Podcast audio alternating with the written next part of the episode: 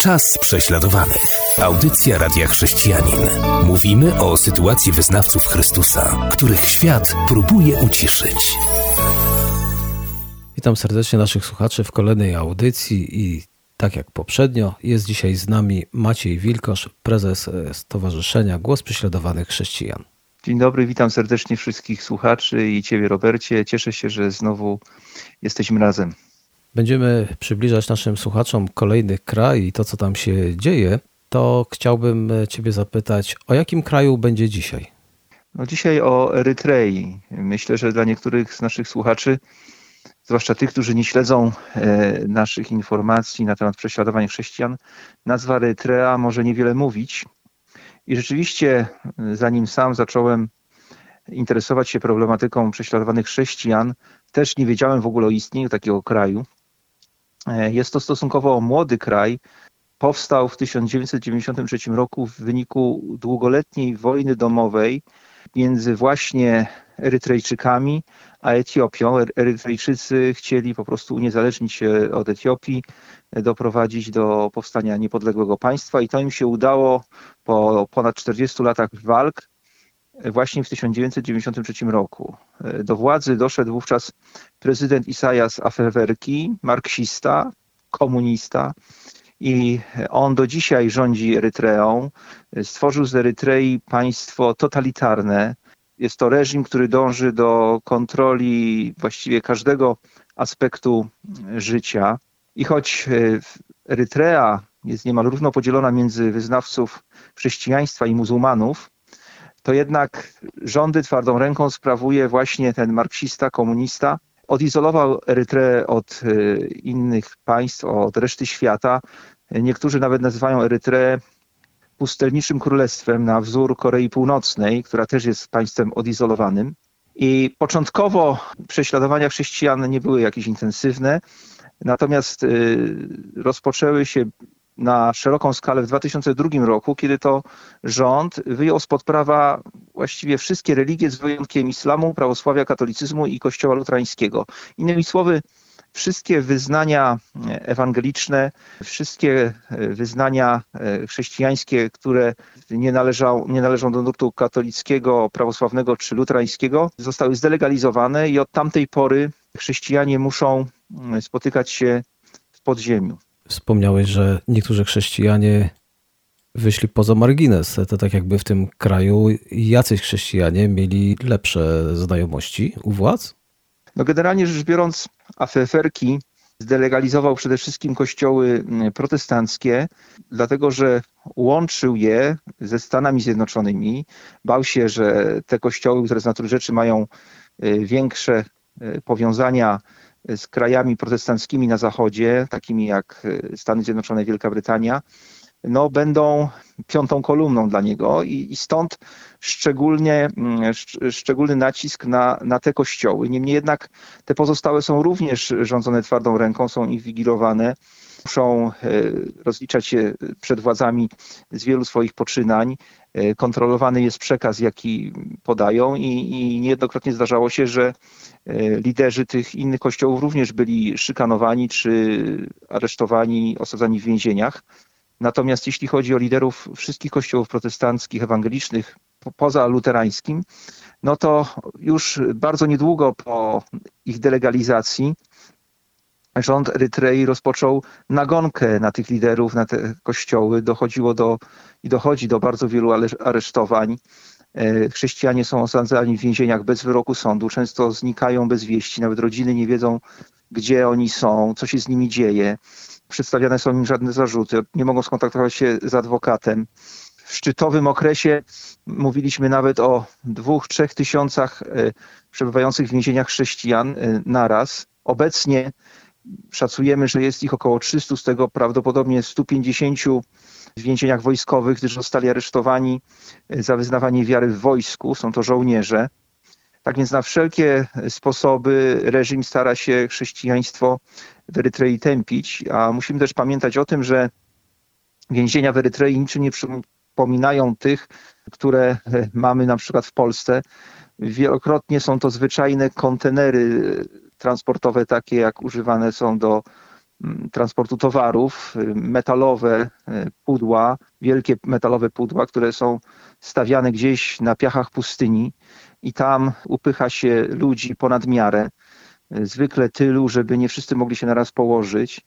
I w takich kontenerach trzymani są latami więźniowie, wielu, wielu chrześcijan. W nocy w takim kontenerze jest przeraźliwie zimno, bo tam jest klimat pustyny, natomiast w lecie, w dni gorące jest, jest tak upalnie, tak upał doskwiera w środku, że tak nagrzewają się ściany tego kontenera, że więźniowie nie mogą nawet siedzieć blisko ścian, tylko siedzą w środku kontenera, gdzie temperatura jest nieco niższa niż przy samych ścianach. Dodatkowo są niedożywieni, odmawia się im podstawowej opieki medycznej, są bici, torturowani. E, chrześcijanie mają całkowity zakaz wyznawania swojej wiary w więzieniu, nie mogą mieć Biblii, nie mogą dzielić się Ewangelią oczywiście z nikim, za to są surowo karani. Wielu w więzieniach zmarło, wielu liderów chrześcijańskich i chrześcijan jest przetrzymywanych w więzieniach latami. Znamy przypadki przynajmniej kilku pastorów, którzy od 2004-2005 roku są w więzieniu. Dziękuję. Po przerwie będziemy mówić dalej na temat Erytrei, a teraz posłuchajmy utworu muzycznego. Czas prześladowanych. Audycja Radia Chrześcijanin. Mówimy o sytuacji wyznawców Chrystusa, których świat próbuje uciszyć.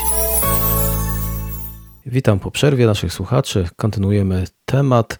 Chciałbym zapytać o dostęp do Pisma Świętego w Erytrei. Otóż rząd erytrejski tak naprawdę monitoruje los e, każdego sprzedanego egzemplarza. Literatura chrześcijańska jest ściśle kontrolowana. Jeżeli człowiek wierzący chce mieć Biblię w Erytrei, to tak naprawdę musi ją przemycić. Dlatego też zdecydowana większość chrześcijan korzysta z różnych form cyfrowych. I tak zresztą jest w wielu innych krajach, gdzie no po prostu o wiele łatwiej jest ukryć e, jakiś software z Biblią na swoim smartfonie, czy mieć gdzieś jakąś mp schowaną, niż e, no, ukryć e, książkę dość dużą, którą jest Biblia. Oczywiście w więzieniach chrześcijanie nie mają dostępu do Pisma Świętego. Proszę sobie wyobrazić, jak trudne to musi być dla, dla pastorów, którzy już od wielu, wielu lat, niektórzy od kilkunastu lat są przetrzymywani w więzieniach erytrejskich. Na przykład y, dr Kiflu Gebre Meskel, aresztowany w maju 2004 roku, czy Kidany Weldow, aresztowany w, mar w marcu 2005 roku, czy też Haile Naizki, aresztowany w maju 2004 roku.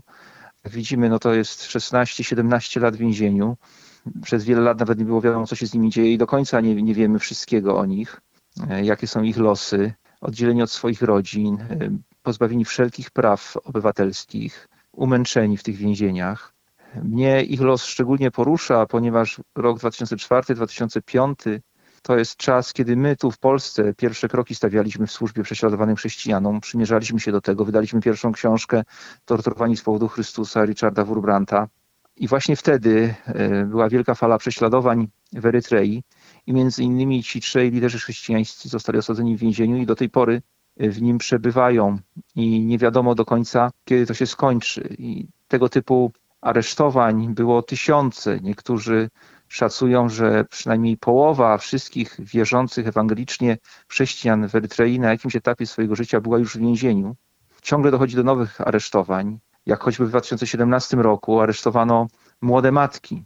Zrobiono to oczywiście celowo. Przeprowadzono naloty na spotkania chrześcijańskie a wiele tych kobiet miało mężów w wojsku, którzy odbywali przymusową służbę wojskową i w, i w, sytuacji, gdy matki zostały aresztowane, mężowie są w wojsku, ich małe dzieci pozostały bez opieki. I gdy mówimy aresztowani, to mówimy właśnie osadzeni w tych makabrycznych warunkach, często przytrzymywani latami, bez wyroku sądu, bez y, dostępu do podstawowych środków do życia. Tak więc Erytrea słusznie jest nazywana często Koreą Północną Afryki.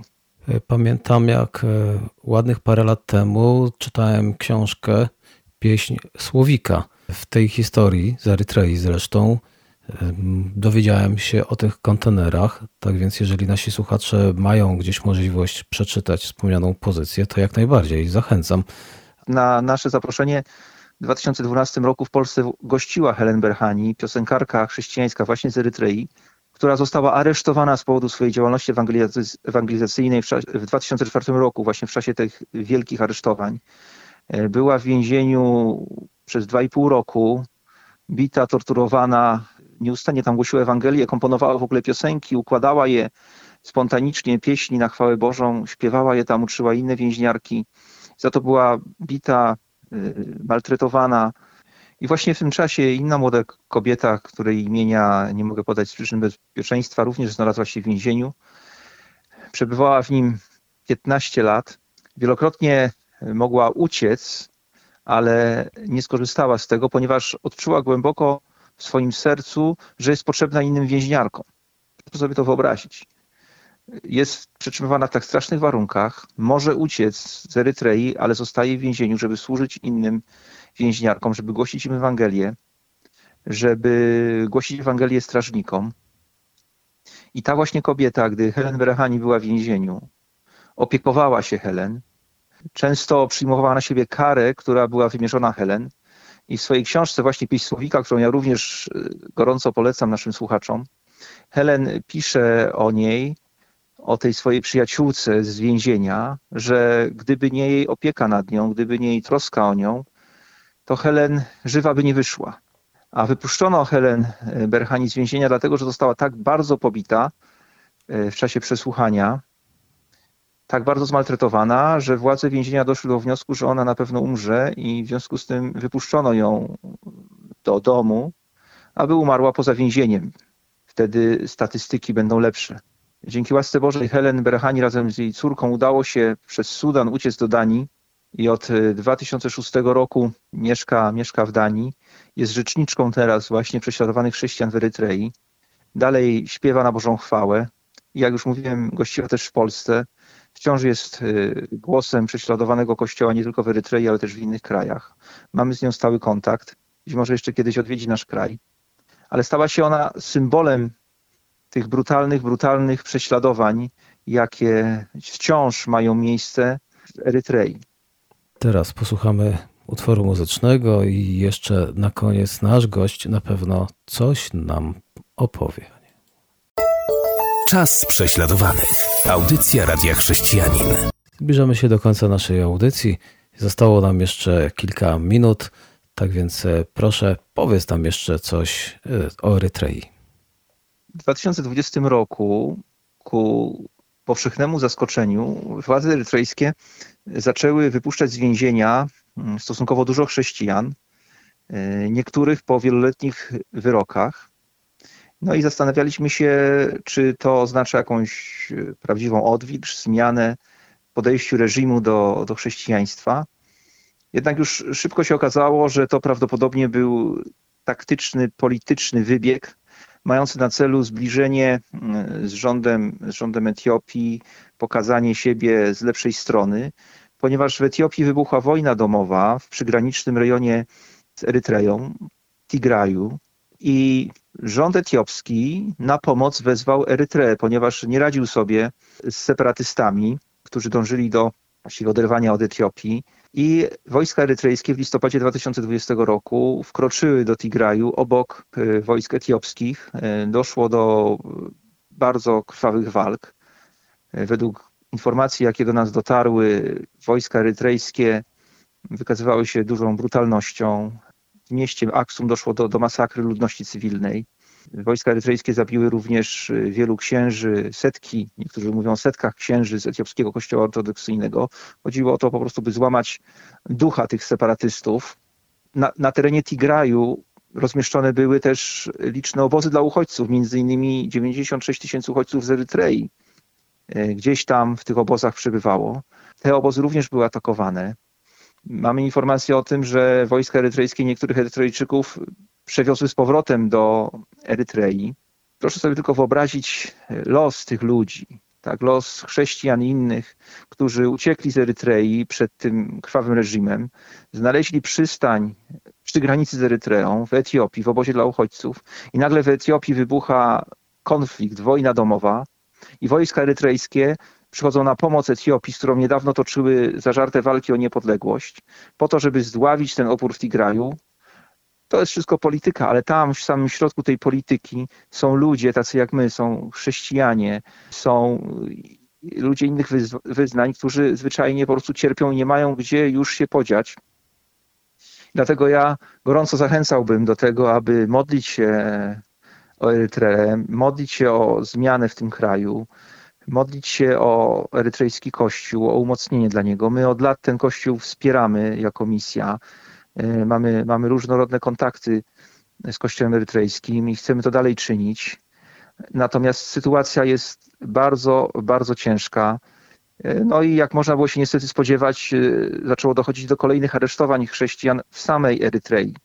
Tak więc podsumowując, reżim erytrejski nie zmienił się. Prezydent Afewerki dalej z wielką zajadłością występuje przeciwko zwłaszcza chrześcijaństwu ewangelicznemu, które kojarzy mu się z CIA. Nie widać tutaj jakiejś perspektywy na, na zmianę, chyba że dojdzie do przełomu w odpowiedzi na nasze modlitwy, tak jak, już, tak jak to już niejednokrotnie w historii ludzkości bywało. Dziękuję serdecznie za przybliżenie nam tego, co się dzieje w Erytrei. Naszych słuchaczy zapraszam już na kolejną audycję. Czy możesz powiedzieć, o czym będzie, kiedy ponownie się usłyszymy? Tak, chciałbym powiedzieć o pewnym regionie kraju, który jest, myślę, o wiele bardziej znany, ten kraj, niż Erytrea, mianowicie Filipiny, ale mało kto wie o tym, co od wielu, wielu lat w kontekście prześladowań chrześcijan dzieje się na głębokim południu Filipin. I o tym e, w następnej audycji. Dziękuję serdecznie za uwagę i już teraz zapraszamy na kolejną audycję. Będziemy mówić, co tam słychać na Filipinach. Była to audycja Czas prześladowanych.